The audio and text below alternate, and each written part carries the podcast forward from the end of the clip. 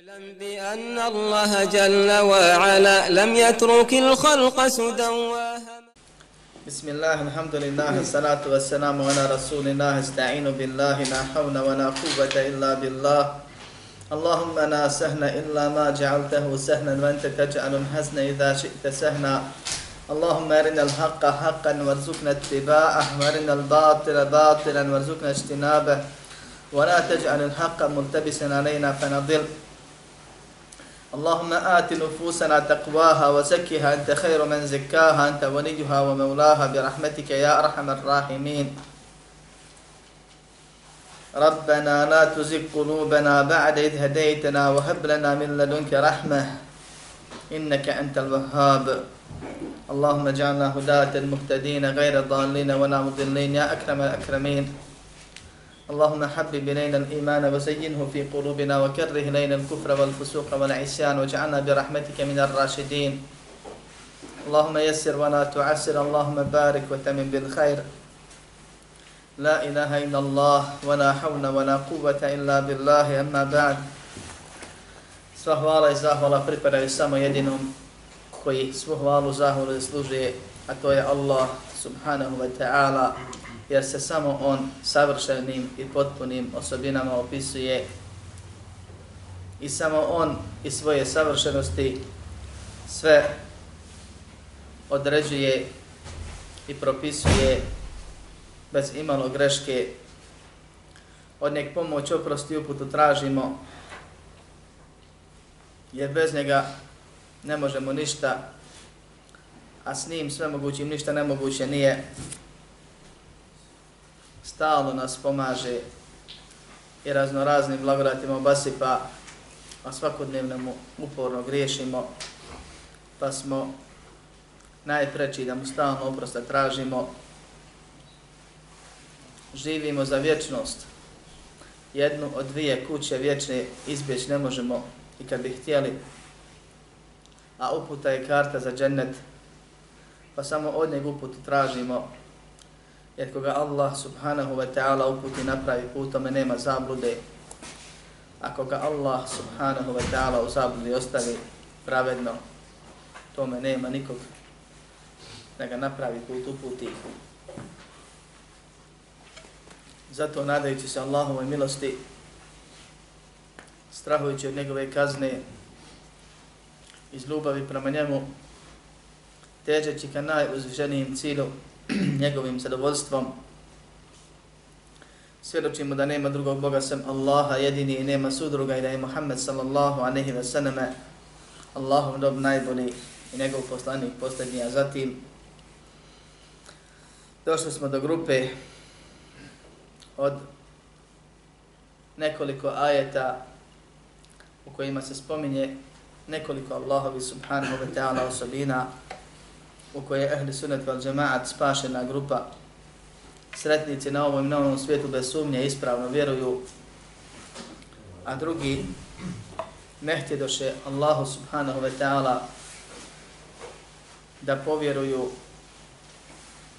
i da mu priznaju ono čime je sam sebe opisao, pa stoga na ovom svijetu lutaju Allah subhanahu wa ta'ala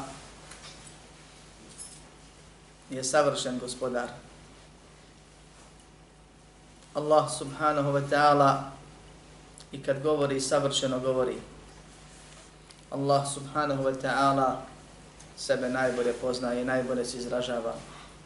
Allah subhanahu wa ta'ala i svoje milosti prema nama predstavio nam se mnogim imenima i osobinama I od tih su i one koji, o kojima ćemo večeras ako Boga govoriti, a koje nas i tekako tiču.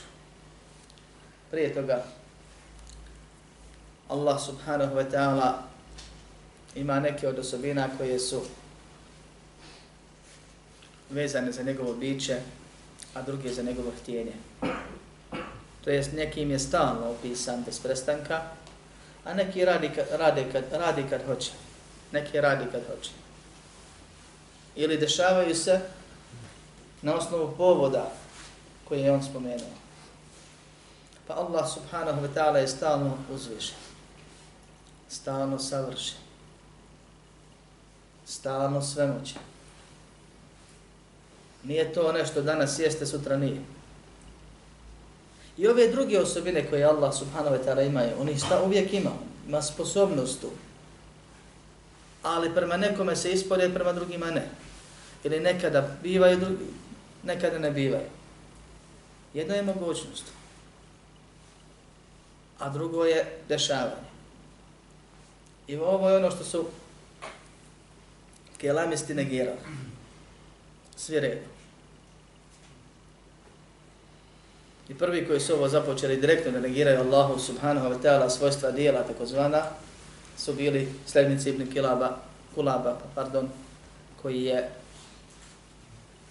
otac Šarija pokušao da je spoji između Ahli Sunneta i Mu'tazila i Džehmija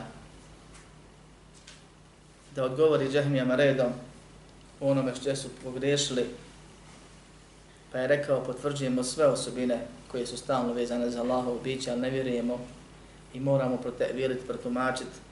Ne smijemo bukvalno prihvatiti osobine dijela, poput spuštanja, poput uzdizanja, poput nekih drugih stvari koji ćemo večer razgovoriti.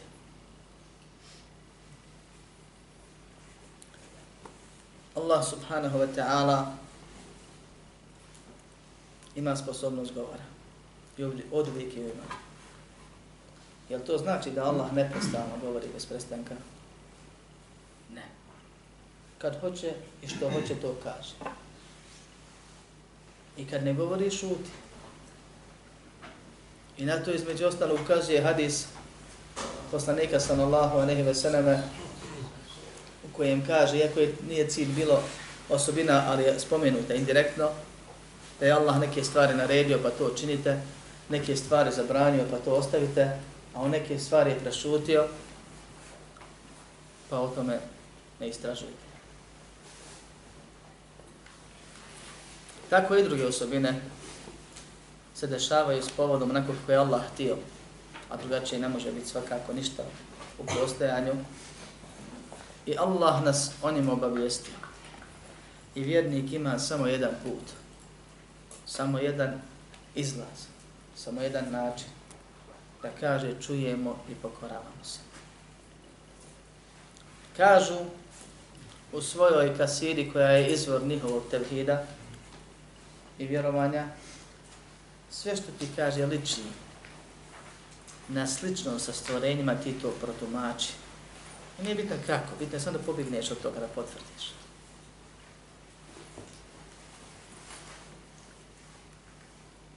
sve što tebi liči, čuješ Allah rekao o sebi, poslani sam sam rekao o sebi, o Allahu subhanahu wa ta'ala obavijestio, pardon,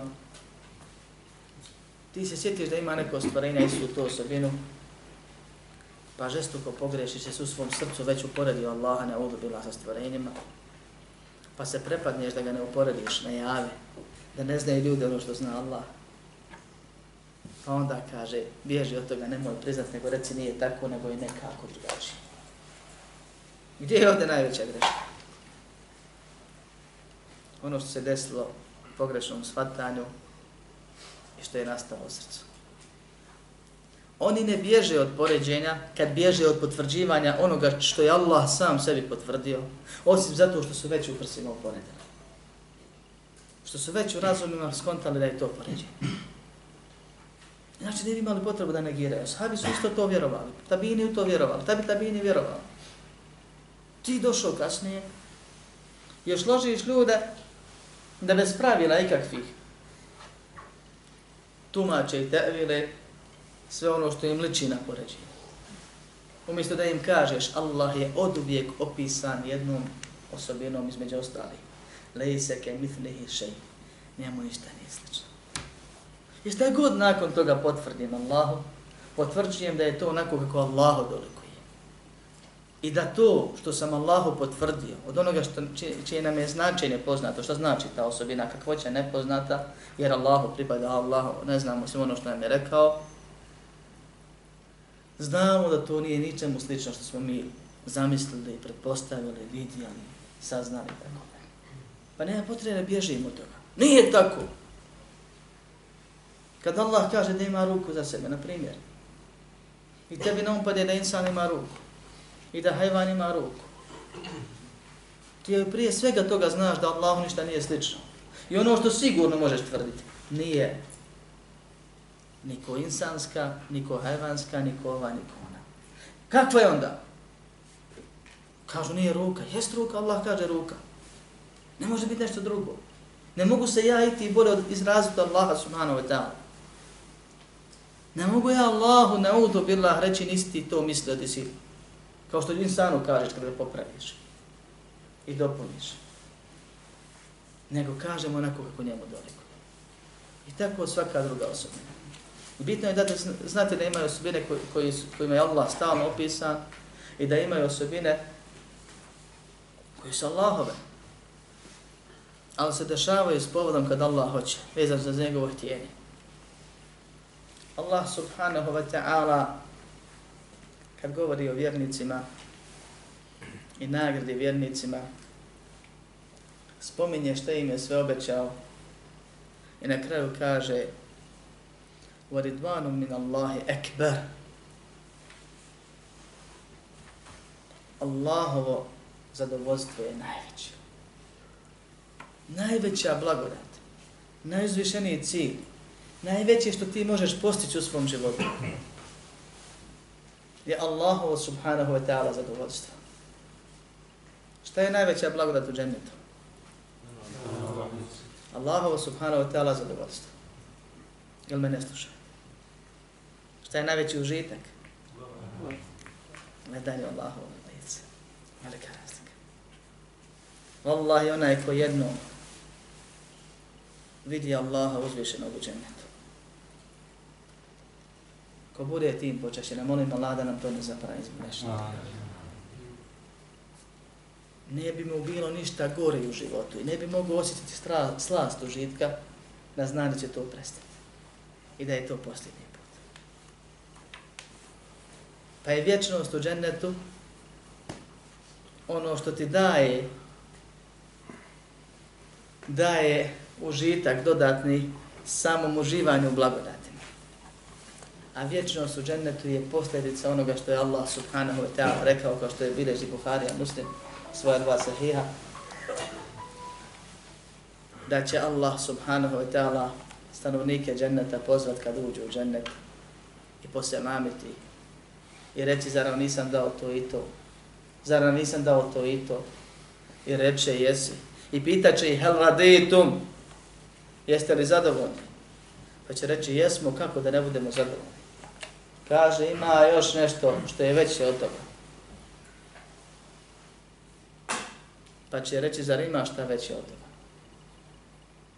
Pa će im reći fa inni uhillu alaykum ghadabi. Ja, fa inni uhillu alejkum ridvani, fa la askhatu alaykum ba'dahu abada. Ja kaže na vas puštam svoje zadovoljstvo i nikada se više na vas neću rasrditi. I nakon toga svaki užitak je potpun. Neće nestati. Nema straha. Nema tuge. Nema strepnje, nema bojazna.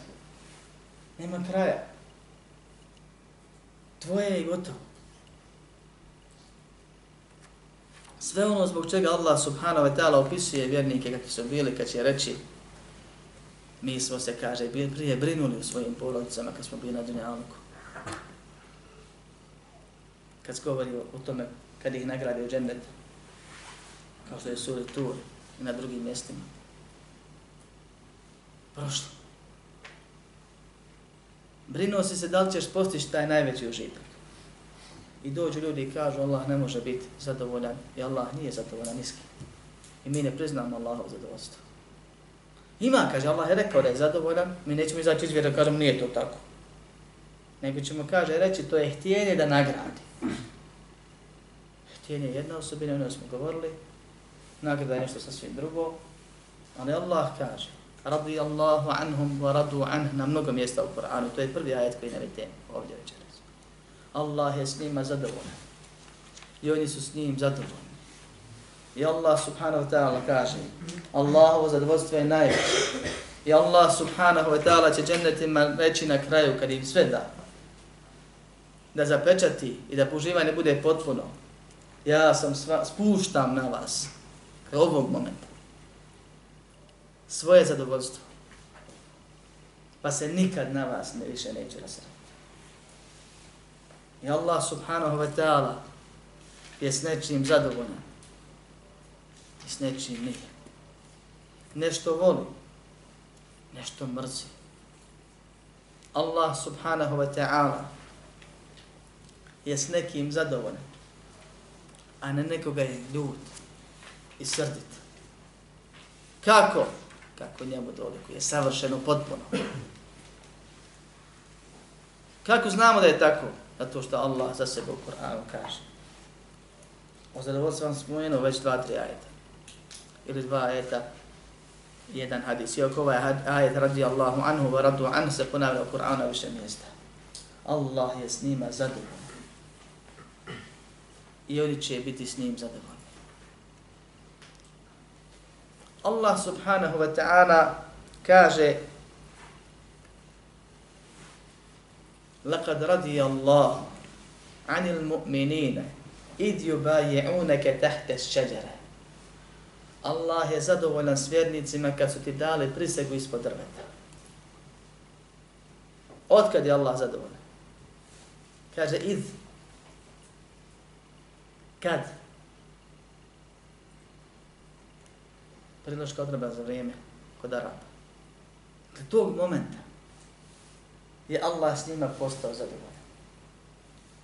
Kažu ovi koji kažu da Allahov zadovoljstvo je njegovo stvorenje, ili je to htjenje, ili maksimalno jedna od tih skupina kažu potvrđujemo zadovoljstvo, pa ga onda ili tumače ili priznaju, ali kažu to je zadovoljstvo koje je vezano za Allahov biće.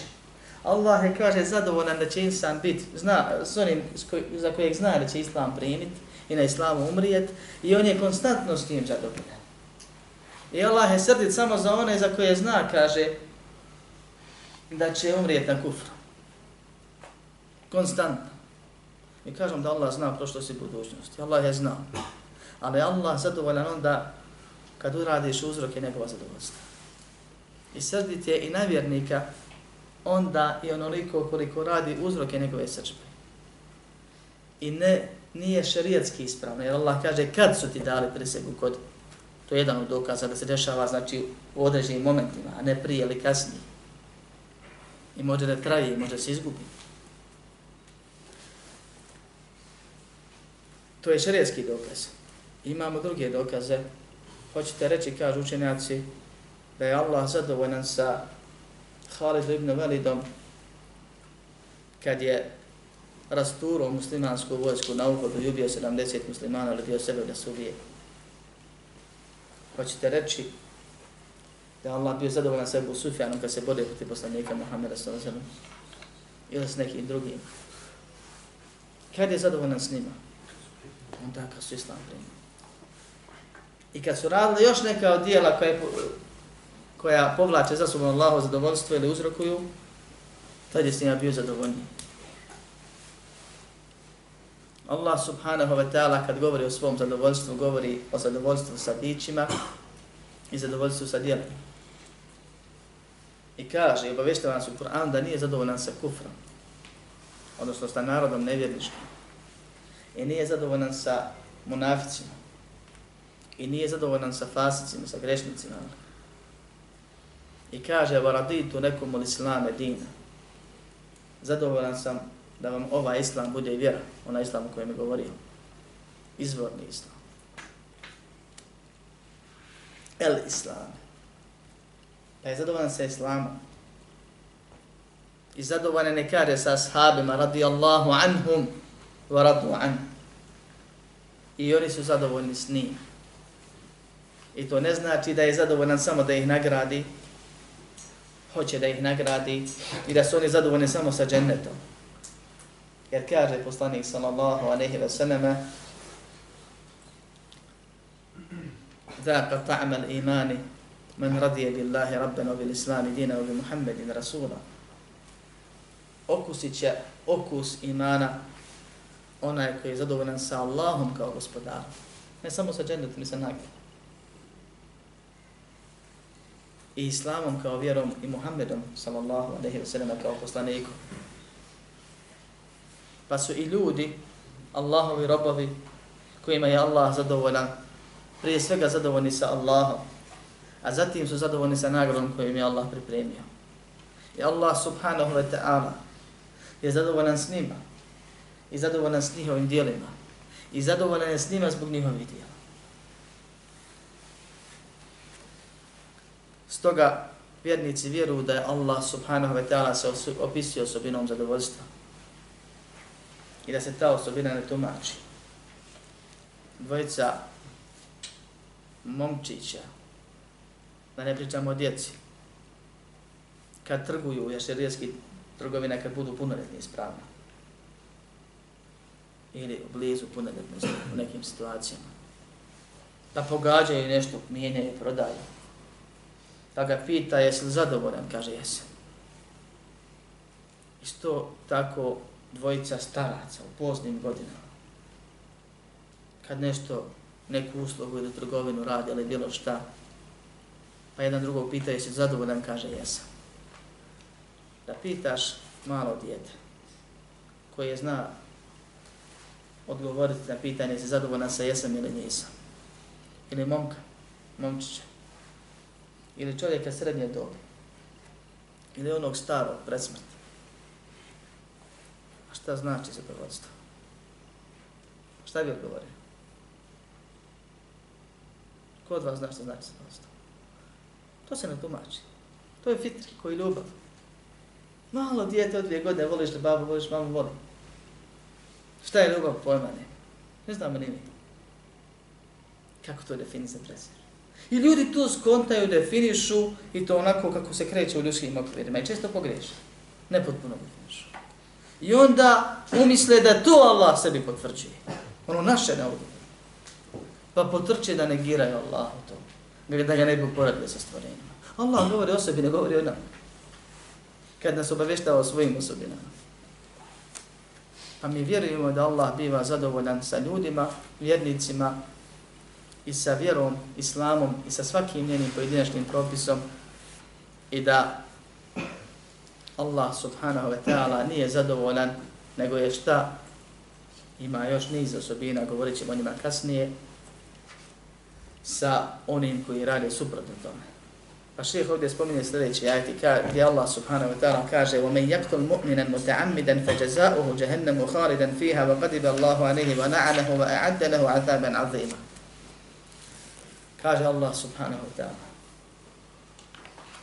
ko ubije vjernika namjerno, ne nehotici, njegova nagrada, njegova plata zaslužio je džehennem, u kome će dugo boraviti.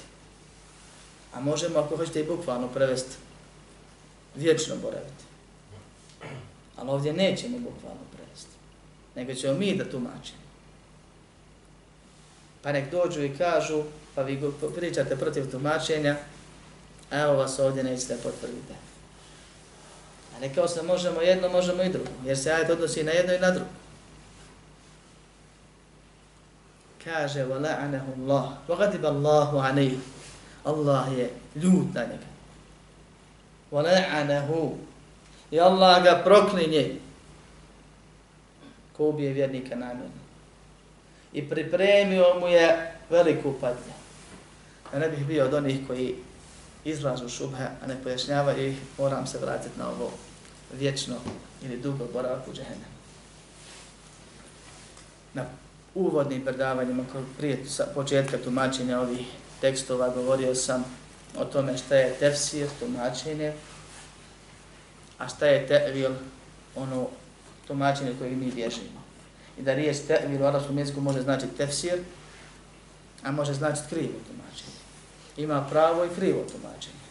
A svako tumačenje je skretanje sa onog osnovnog značenja na neko drugo sporedno. Ako je sa dokazom, onda je ispravno, to je pojašnjenje. Ako je bez dokaza da je nespravno, odbija se.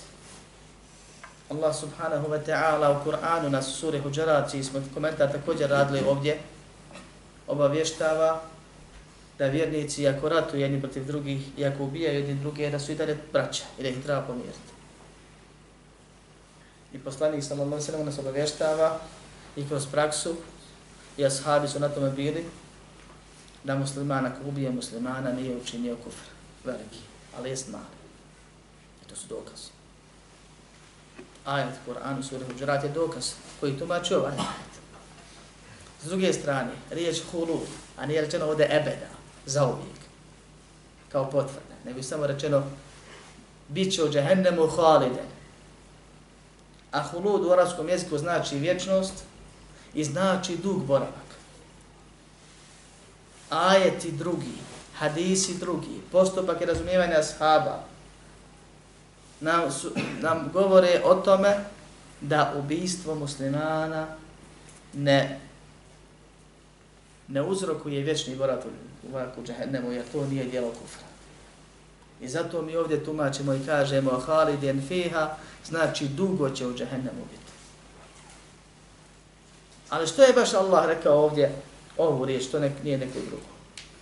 Ulema ovdje spominje nekoliko rješenja. Kažu da se ajet može odnositi na nevjernika koji ubije vjernika namjerno. Pa će nevjernik zbog kufra plus zbog tog grijeha biti vječno džahennemu. Za onoga ko halali ubistvo. A poznate li da onaj ko halali neki grijeh u islamu biva nevjernik ne zbog grijeha, nego zbog toga što ga je dozvolio. I u ime Allaha ga popisao. Ili može značiti dug boravak za onoga ko nije. Ne ima pri sebi velikog kufra, nego je vjernik, ali šeitan ga naveo da ubije vjernika. Jer riječ hulud u arapskom jeziku znači vječni ili dugi boravak, a ajet tumači ajet, Allah je tamo rekao, i Allah je ovdje rekao, i Allah ne priča jedno tamo, drugo ovamo, nego ajet jedan drugog tumači, pojašnjava, dopunjuje, a ne negira i ne isključuje. Ovdje je Allah subhanahu wa ta'ala spomenuo nekoliko prijetnji za onoga ko ubije vjernika namjerno. Bilo da to se radi u ime vjere, zato što neki neće da uče vjeru, pa misle sebi da znaju, pa proglasi vjernika nevjernikom, pa ga ubije u nekakvom ratu, fitni, belaju, zato što on po njemu nevjernik, a to kod Allaha nikakvog značaja nema što si ti mislio i što si ti pogrešno nešto shvatio. Ili da se radi, ili, ili da, da je bilo zbog dunjaloka, radi međe, ili nečega drugoga ko se dešava kod nas, isto dođe. Onaj ko vjernika ubije namjerno, a ne nehotice, na primjer lovu ili nečim drugim, zaslužuje nekoliko kazni, kaže nagrada mu je džehennem, u kome će dugo biti. Pa neki učenjaci kažu, rekao je Allah vječno zato što onaj ko ubije vjernika zaslužuje vječnu kaznu. Ali Allah izuze ovo dijelo da nije dijelo kufra, pa je ovo vid Allahove milosti da za ubijstvo dugo kažnjavo džahennemu, a ne vječno. A toliki je to grije da bi trebao vječno budovnje. To je još jedno tumačenje. Džehennem, dug boravak. Allah je na njega ljud. Gadib Allahu alaihi. I ovo, zbog ovog, ove riječi je šeheh spomenuo ovaj ajet ovdje. Allah se ljuti kad ljudi grijehe čini. I to je jedan vid ezijeta prema gospodaru svjetova. Kao što smo radili hadis kroz knjigu Tevhida, Ju'tini ibn Adam je subu dehra, va dehru qalidu lejra van nahar, bi huzuri me, ezijeti me, uznemirava me sin Ademo, psuje, vrijeđa vrijeme, a ja sam vrijeme, ja kaže, smjenjujem dane i noći. To je jedan grijeh. Tako isto kad, kad insan radi grijehe, Allah subhanahu wa ta'ala se ljubi. S tim ta ljutnja može biti žešća i manja. Pa ima više od toga. Da se Allah srdi.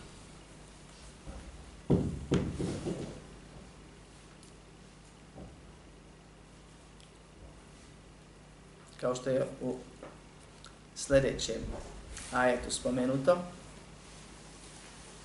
Ali ovdje kaže Allah je na njega ljut. Allah subhanahu wa ta'ala ne kažnjava iz milosti i ne kažnjava iz zadovoljstva. Ne ukašnjava iz svoje sržbe. Pa su neki protumačili sržbu ili ljutnju kao htjenje da kazni. To je ono što proizilazi. Kada ih pita zbog čega niste potvrdili ono što sam se potvrdio, kažu zato što je ljutnja širenje vena, punjenje krvlju, crvenu u licu, napuhanost očiju i onda ostalo. Kažu mi učenjaci, odgovor je dvostruk. Prvo, to je ljudska ljutnja, a drugo, to nije ljutnja, to su posljedice ljutnja. Ljutnja ono što se desi u srcu. Pa se onda pokaže i na tijelu, pa se onda pokaže na dijelu. Onda ti uradiš odlično nešto zato što se ne ljutio. Prvo, ljutnja je u srcu. Ni nju ne možemo pojasniti. Drugo, i da je to ljutnja, to je ljudska ljutnja. A mi vjerujemo da Allah njemu ništa nije slično. Ili nije ništa mu slično. I vjerujemo da je Allah, Allahu kad za sebe kaže da se ljuti. Pa se ljuti onako kako njemu dolikuje i nije slična njegova ljudnja njegovim stvorenjima. Ali bela je da ti ko vjernik živiš i radiš nešto za što znaš da Allah ljut na tebe Da je samo to kazna bilo bi dovoljno. وَلَعَنَهُ Allah ga proklinje. Kaže šehhul Islam Ibn Taymiyyah rahimahullah, proklinje ga riječima, kaže mu proklet je ta i ta. Što znači udalite ga od moje milosti. Pa ako je on nevjernik, onda biva totalno udaljen od dženeta u potpunosti. A ako je vjernik, biva mu zabranjen ulazak u džennet shodno grijehu koji je činio onoliko koliko Allah odredi da je težak taj grijeh. To znači Allahovo prokletstvo. Kad se kaže ver, vjernici ga proklinju, meleci ga proklinju, šta to znači? Oni dove Allahu da ga prokune. Kad Allah prokune, on kaže i ono bude. Onaj ko uradi dijelo koji izaziva Allahovu ljutnju, ili Allahovu srđbu, ili Allahovo prokletstvo, je to trajno? Nije. Allah subhanahu wa ta'ala je dao da onaj ko se pokaje, kao što je tamo u opisu robova milostivog, illa men tabe wa amana wa amina amanan salihan fa unaike yubadilu Allahu sayyiatihim hasanat. Oni kaže, osim onaj ko se pokaje i vjeruje i radi dobra djela, takvime će Allah hrđava loša u dobra pretvoriti. I tad prestaje sržba i nastaje zadovoljstvo. I dolazi milost. I dolazi nagrada.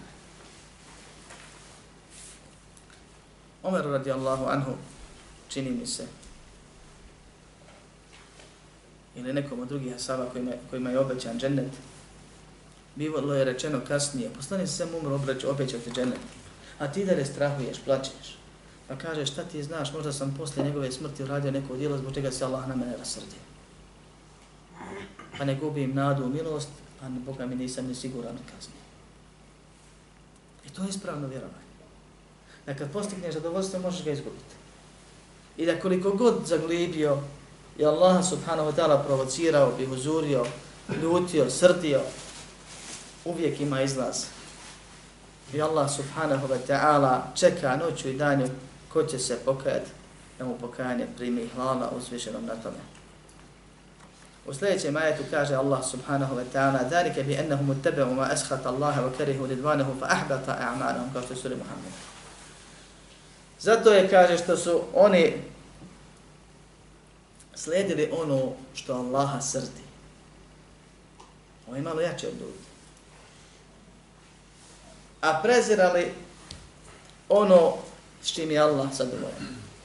فَأَحْبَطَ أَعْمَانَهُمْ Pa im je dijela poništio od dijela koje izvode izvjere je da voliš ono što je suprotno islamu totalno, bilo koji vid kufra, ili da mrziš nešto od Allahovog šarijeta.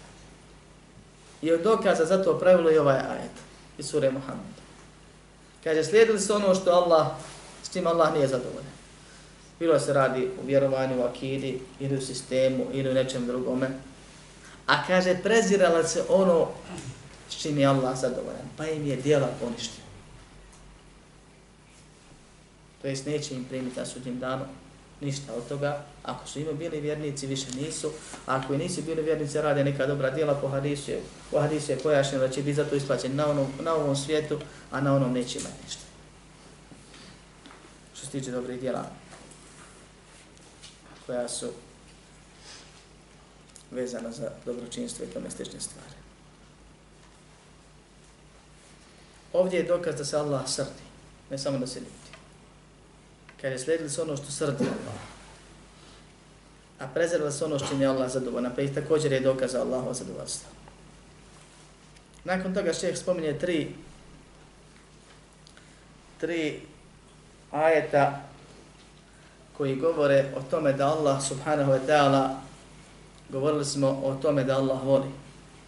Imali smo des čitav o tome koga Allah voli. I ono što je šeheh spomenuo da se robina smo protumačili. Ovdje spominje da Allah subhanahu wa ta'ala neke stvari ne voli, mrzi, preziri, jako mrzi, mnogo preziri i da to ima stepen. I osnova je da Allah subhanahu wa ta'ala voli i zadovoljne sa imanom, sa islamom i onome što je od njihovih ogranaka. I onima koji su na tome. I to onoliko koliko se toga drži. I Allah ne voli kufr. I Allah ne voli kafir. I Allah ne voli grije. I Allah ne voli grešnika onoliko koliko griješi. I u momentu kad insan griješi, Allah to ne voli, Allah to mrzi ili prezire, Allah se na insana ljuti onoliko koliko zasluži Allah je pravedan. Pa kaže Allah subhanahu wa ta'ala govoreći o faraonu. Nakon što se on prsio, hvalio, ponižavao, radio što je radio, a znao mi svi ko je faraon. Pa nakon što je vrijeđao Musa i govorio kako on ima državu i rijeke teku i ovo i ono, za sam ja, kaže, boli. Za nisam ja bolji od ovog što poniženo koji ne znam da, da, da priča kako treba i tako dalje. Allah kaže فَلَمَّا آسِفُونَ انْتَقَمْنَا مِنْهُمْ فَأَغْرَقْنَاهُمْ أَجْمَعِينَ Kad su nas šestoko ne ljutili. Mi smo im se osvetili i sve do zadnjeg smo ih potopili. Esef, spomenuto ovdje. Pa neki kažu, eh, ovo je dokaz, sad će oni morat protumačiti. A to obično govori ljudi koji ne razumiju arapski jezik kako treba, makar bili Arapi. E, je to jedan poseban jezik. I učenjaci jezika se vraćaju na jezičke osnove da pojasne ono što je spomenuto u Koranu. Pa kažu, Esef je kod nas tuga, a mi znamo da Allah ne tuguje. I da je to kufr pripisati Allahu tugu. I da je to manjkavost. I nigdje Allah nije spomenuo. Na tom složno čenjaci, nema tugi. Allah ne tuguje. Pa kažu, ovo ovdje Allah, kaže kad, kad su me rastužili, ja sam im se osvetio i kaznio. Kažu islamski učenjaci, esef u arabskom jeziku znači tuga i znači žestoka ljutnja, najveća. Ljuti, srtiš se, pa... Odnosno, zašto prezir, pardon. Pa kad su dobro, znači, kad ih Allah dobro zamrzio zbog onog što su radili, onda im se osvetio i sve do zadnjeg ih potopio kad su sprovocirali Allah subhanahu wa ta'ala. A faraon je bio faraon i znamo sve što je radio. A faraon ne bi bio faraon da nema faraonske savjetnike. Kad su mu rekli između ostalog na početku samom, znači spustiti Musa i njegove nesljednike da rade šta hoće, da omalovažavaju tvoje, tebe i tvoje, tvoja božanstva. Pa je onda on odredio da im se posebno sveti i odlučuje na regije i tako dalje. Allah subhanahu wa ta'ala u sljedećem majetu kaže, kad govori o munaficima koji su zostali iz bitke u suri Teube, sa namjerom da se pravdaju poslaniku sallallahu sallam onim opravdanjima koja su koristili oni koji su bili opravdani. Bilo je bolesni, bilo je slabi, bilo je ljudi slijepi, Bilo je ljudi koji su imali određene opravdanja druga. Prije bitke su ošli, poslanici sallam najavili da imaju te stvari, poslanici su ih opravdali. Bili su monafici koji su išli, oni su manjina, i bili su monafici koji nisu htjeli ići, i govorili su nemoj ići, neće ni ovaj, neće ni ovaj, neće ni onaj, pa ćemo reći imali smo mi ta opravdanje. Da Allah subhanahu wa ta'ala između ostalo kaže وَلَكِنْ كَرِهَ اللَّهُمْ بِعَاثَهُمْ فَتَبَّطَهُمْ وَقِيلَ فَعُدُوا مَعَ الْقَاعِدِينَ Allah je bilo, Allah je mrzio da ih pošali. Pa ih je zadržao. Allah dao da ostane. Pa je rečeno, kaže, ostanite sa onima koji sjede. Sjedite sa onima koji sjede. Pa ovdje jedan od dokaza, ima ih puno, i u hadisima, da, Allah, da je Allahu nešto mrsko. Kao što je kod Buhari, odnosno kod muslima, sahih. Wa kirehe lekum qina wa qal. Allah mrzi kod vas rekla kazao. Ili drugi stvari. Allah neke stvari mrzi. I Allahu je bilo mrsko, Allah za sebe kaže da ih pošalje u boj s vjernicima, pa ih je zbog toga Allah dao da oni ostanu. A neki je poslao. Pa su napravili što su napravili, smijavali se i objavili Allahu drugi gajete.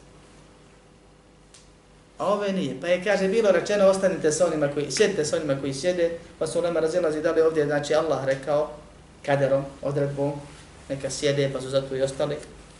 Ili se ovdje odnosi da su oni jedan drugim govorili, nije taj što nemoj, niti neće ni ovaj, neće ni ona, ne moramo, znaćemo se, znaćemo neko opravdanje i tako dalje. Bilo kako bilo, ovdje je dokaz da Allah neke stvari mrzi. Mrsko. Ne mrsko u smislu lije. Nego mrzi da to se desi pa se i ne desi.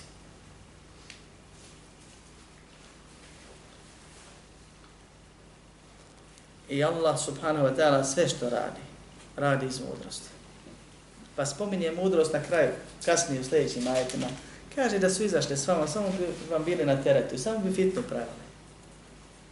A ima među vama ljudi koji ih slušaju. Napravili bi nered, bili bi problem.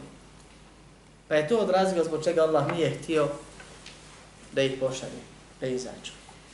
A neki su izašli. Kaže Allah subhanahu wa ta'ala u posljednjem ajetu kojeg šeho ovdje spomenuo u dijelu ajete sura Saf, Ja juha ladina amenu nime takulune ma la tefanu. Ovi koji vjerujete. Zašto govorite ono što ne radite? Kebure maqaten inda Allahi en tekulu ma la tefanu. Kebure. Velika. Mnogo. Puno. Nakt. Nakt je žestoka mržnja. Najveći stepen mržnje. Sam poslije moraš u jeziku to je nešto žestoko. Ti možeš mrziti, možeš prezirati nešto. Ovdje kaže puno Allah žestoko mrzi. Kad bi doslovno bukvalno prevodili. Znači taj najveći stepen i još kebure. Mnogo. Toliko je Allahom mrsko da govorim ono što ne radi. Povod ajeta još bolje objašnjava ovu stvar da razumijemo. Ovo nije samo kad insan nešto kaže, jer često mi citiramo ove stvari čovjeku koji je nešto mislio pa se predomislio. A ima pravo na to insan. Pa Povod ako skonta da to ne valja tako. Ima neke planove drugi. Pitaš ga što si ono govori, on te objasni ti si dužan da prihvatiš. Nego su vjernici govorili da hoće nas Allah uputit na nešto ili postane sa svem što je od najdražih Allahu dijela, pored imana. Pa im je Allah objavio borbu na Allahovom putu. Pa su neki se rekli što će nam sad tu. Zar nije moglo kasnije i tako da ne Pa ih Allah poziva i kaže, o vjerni, zašto jedno govorite, drugo radite? Allahu je mrsko i to Allahu mrsko, maksimalno, najviše. Da jedno govorite, drugo radite. Koliko je nas govorilo kad bi nam Allah dao to i to, bili bi ovakvi, onakvi, kad bi imali priliku, blago onim u tom gradu imaju to i to, mi nemamo, pa kad mi dobijemo kako cijenimo, šta radimo, kako se obhodimo, bilo koja blagodat. Svako od nas sad može se sjetiti mnoštvo stvari za koje nekad Allah dobija, više ne dobije, što ne dobije to što ima. I navikao se kod da moraju biti. Kao da nikad nije, nisu mu nedostajale do te mjere da je traže od Allah. Ne cijeni, ne zahvalije. Koristi ju. Allaha moliš, daj mi, govoriš kad bih imao, ja bi ovako i onako, dobiješ, ušutiš se što bi rekao kod nas. E to Allah posebno mrzi. Do te mjere da u suri Taube spominje da je neke zbog tog dijela kaznio vječnim nifakom, na umru komunafici pravi. ومنهم من عاهد الله لئن آتانا من فضله لنصدقن ولنكونن من الصالحين ima ljudi koji su Allah obećali koji im dao svoje dobrote od nafake kaže dijelit ćemo, bit ćemo dobri ljudi pa kad im je kaže dao behilu bihi wa tavalla wa hum ma'ridun prvo su bili škrti, nisu dijelili a i okrenuli se od vjere polako fa a'qabahum nifaqan fi kulubihim ila yawmin yalqawnahu bima ahlefu Allahe ma wa'aduhu bima kanu yakthibun. Pa je Allah dao kao kaznu nifak u njihovim srcima do dana kada ga ne sretnu. Gotovo. Zapečeće na srcu. Zato što su, kaže, prekršli ono što su Allahu obećali i zato što su mu lagali. Zato što su lagali.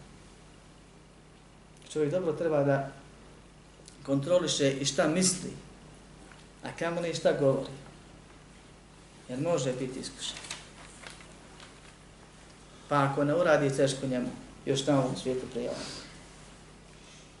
Ljudi koji su i tekako saburli u ne, neimaštini i time Allah s njima zadovoljan bio u tom momentu, gdje su maksimalno radili ono što Allah propisao za takvo stanje, kad ih Allah iskuša bogatstvom, to bude sebe da ostavljaju neke propise, da smanje pokornost, da zaborave zahvalnost i tako dalje i tako dalje, pa bude i da nisu imali. Na primjer, ili obratno, ili nešto drugo, znanje, pokornost, vjera. Koliko imamo ljudi kojima je Allah dao blagodat da nauče Kur'an na pamet, tražili su to, a zato Boga mi treba malo je reći decenije da se dobro savlada i onda se počne zbog toga oholikan ljudima. Šta mi ti imaš, priča sufare ne znaš. Naučite prvo sufaru pa nam onda govorite. Ili to mi slične stvari. Neka to ima smisla, jer čovjek koji priča o vjeri ne zna sufare ne treba o vjeri pričati. Ali kad te upozori insana grije za koji ti znaš da, da je u pravu, i on zna da je to grije, to što si hafiz ništa ne koristi. Pojent ove priče je da nije bitno samo imetko ovom, bilo koja blagodat od najveće do najniže. Na njoj, prema njoj se treba biti oprezan jer to je iskušenje. I na njoj se mora biti zahvalan. I treba insan da pazi šta misli, šta govori, kad bi, kad bi, jer doće vakat kad ćeš dobiti, pa će se onda vidjeti, vidjet će ljudi, Allah svakako, kako postupaš. Iako je insan zaboravio, i ako si ti zaboravio, znaj da Allah ne zaboravlja. Ovdje u ovim pet ajeta koji smo večeras onako kako Allah dozvolio je htio prokomentarsali, potvrđuje se Allahu subhanahu wa ta'ala osobina zadovoljstva, to da se Allah ljuti, to da se Allah srdi, to da Allah subhanahu wa ta'ala nešto ne voli, to da Allah subhanahu wa ta'ala puno, žestoko ne voli, to da se Allah sveti to je kažnjava za grije. Kao što je slučaj sa faraonom bio. Jedno od njegovih imena je Al-Muntakib, onaj koji se sveti. Allah subhanahu wa ta'ala, braćo moja, je sve milost. Njegova milost je pretekla njegovu sržbu. I to je velika blagodat, od koje imamo koristi mi. Allah subhanahu wa ta'ala također odgađa, ali ne zaboravlja. I često Allah subhanahu wa ta'ala pusti ljude za koje zna kojim su putem krenuli da se neće od tog puta vratiti taj loš put, da dobro zarade. Dobro zarade belaje. Pa ih sačeka nekad na dunjalku, a svakako na ahiretu, pa im sve to naplati. Odjedno. Pa ta kazna bude bolna. I Allah subhanahu wa ta'ala na kraju sure Ibrahim o tom govori. Na zadnjoj stranici, vratite se pa ćete vidjeti. Između ostalog.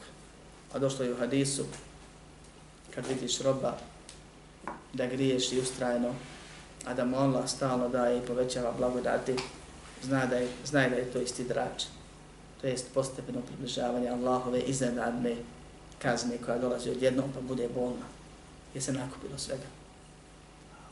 A nas Allah subhanahu wa ta'ala tomu ne sačuva. Kako izbjeći Allahovu sršku? Kako postići Allahovo zadovoljstvo? Rekli smo, Allah subhanahu wa ta'ala je zadovoljan sa islamom. Jer kaže, lijevme akmeltu lekum dinekum, a etmemtu alaikum ni'meti, va raditu lekum al-islami dina. Danas sam vašu vjeru upotpunio i blagodat svoju se vrši i zadovoljan sam da vam islam bude vjera. Islam o kojem je govorio u tom momentu.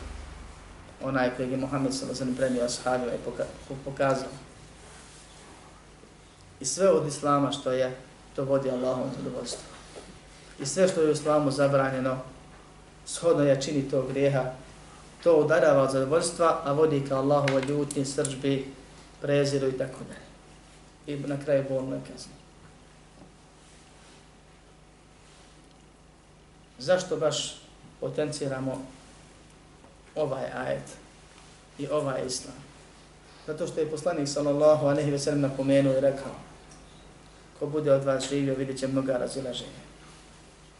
Na vama je, naređujem vam, alaikum, bi sunneti, da se držite mog sunneta i sunneta mojih pravednih halifa nakon mene.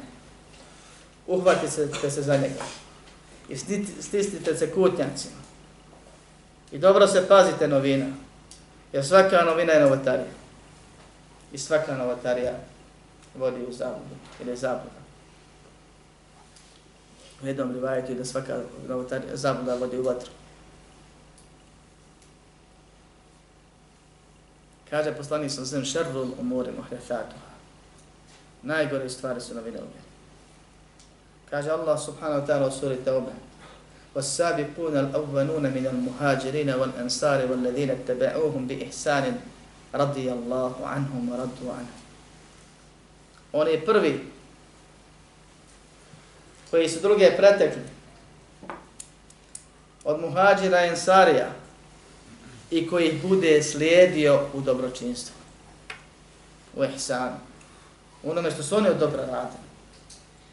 Jer braću moja, kod ashaba je bilo grijeha.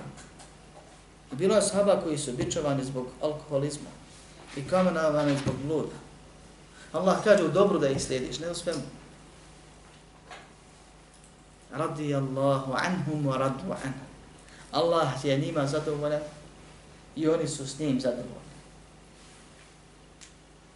S kim? Koliko ima kategorija spomenuti? Tri. Koje su to? Ja? Da ne? Če Znači, ashabi dvije kategorije, muhađile ensarije i treći oni koji slijede od dobro. To možemo biti ja i ti. Šta dobivamo? Allah je zadovoljan s nama i mi smo s njim. Kad? Ako budemo ashabi slijedili od dobro.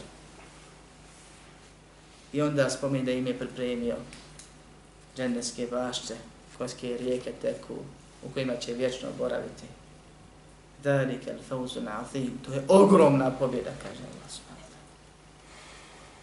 Čovjek kad čini grijeh, treba biti svjestan da se Allah na njeg ljuti. Da Allah to mrzi. I time će lakše i prije ostaviti grijeh.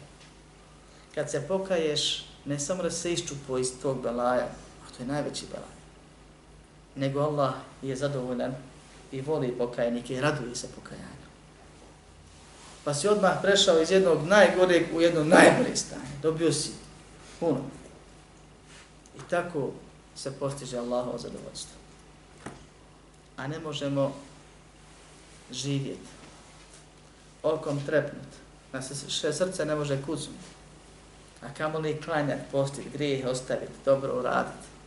Osim da nas Allah subhanahu wa ta'ala pokreni i pomogne. I zato je na nama da prvo srcem se okrenemo prema Allahu. A zatim da ga molimo stalno za učvršćenje, za pomoć, za povećanje. Da ga molimo kao što ga je bojao poslanik sa sem. Es'aluke rizake val džennete wa maqarre bejneha wa e'udhu bike min sehatike wa minan nari wa min maqarre bejneha. Molim te za tvoje zadovoljstvo i džennete ono što njemu vodi. I da me sačuvaš od tvoje srđbe i džehennema i onome što tome vodi. I ovo je jedna od najboljih doba. Čovjek ne trebao namaz propustiti, a ne dobi, jer obuhvatilo je sve. I vodi ka najvećem cilju na kraju. Da budeš svjestan da stalno da Allaha tražiš. Da ne misliš ako te je danas uputio da si završio. Jer možda je danas tobom zadovoljno, sutra će biti srcito. I uputa nije ni naša sposobnost, ni naše nasljedstvo, ni nešto drugo što smo mi dobili, radimo što hoćemo. Nego je to najveća blagat, najveće iskušenje. Trebamo biti zahvalni srcem i jezikom. I stalno Allahu govoriti i zahvalivati na uputi. I moliti Allaha i na njega se osloniti, a ne na svoje nekakve sposobnosti da će nas Allah učvrstiti na to i da nas Allah na tome i da nas Allah učvrsti na tome dobiti pa ćemo inša Allah u džennetu uživati. Molim Allah usvišno da dok živimo sebi i drugima dobro činimo, a kad presjedimo na smrtnije muke budu zadnje muke koje sjetimo. Amin. Walhamdulillahi rabbil alamin. بأن الله جل وعلا لم يترك الخلق سدى